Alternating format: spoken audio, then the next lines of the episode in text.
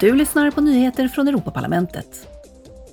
Igår kom ledamöterna och det svenska ordförandeskapet överens om att öka minimiandelen förnybar energi i EUs slutliga energikonsumtion till 42,5 procent senast 2030.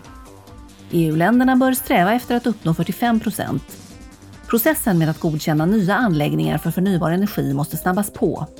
I transportsektorn bör den ökade användningen av förnybar energi leda till en minskning av växthusgasutsläppen med 14,5 procent.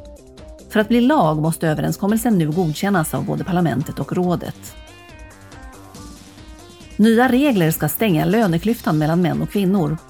Under plenarsessionen igår godkände Europaparlamentet förslaget till direktiv om insyn i lönesättningen. En lag som kräver att företag i EU offentliggör information som gör det lättare för anställda att jämföra löner. Föredragande Kira Marie Peter Hansen sa så här. Med den här omröstningen avskaffar vi hemliga löner, stärker arbetstagarnas rättigheter och deras individuella rätt till information. Och vi ber arbetsgivarna att rapportera och åtgärda sina löneklyftor.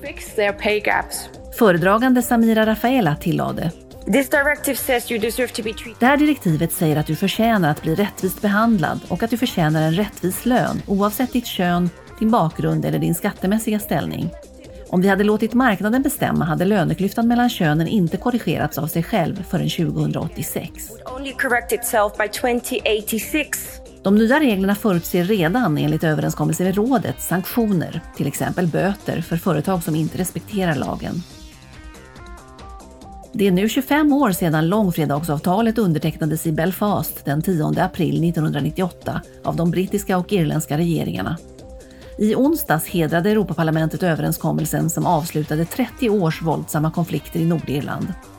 Under öppnandet av ceremonin sa Europaparlamentets talman Roberta Metsola så här. Over 25 years of peace. Med över 25 år av fred har människors dagliga liv i Nordirland förvandlats.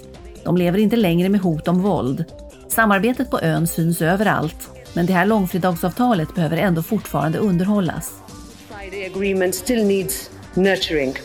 Mellan 1968 och 1998, en tid som i Nordirland kallas the troubles, dödades över 3 500 människor. Du har lyssnat på nyheter från Europaparlamentet.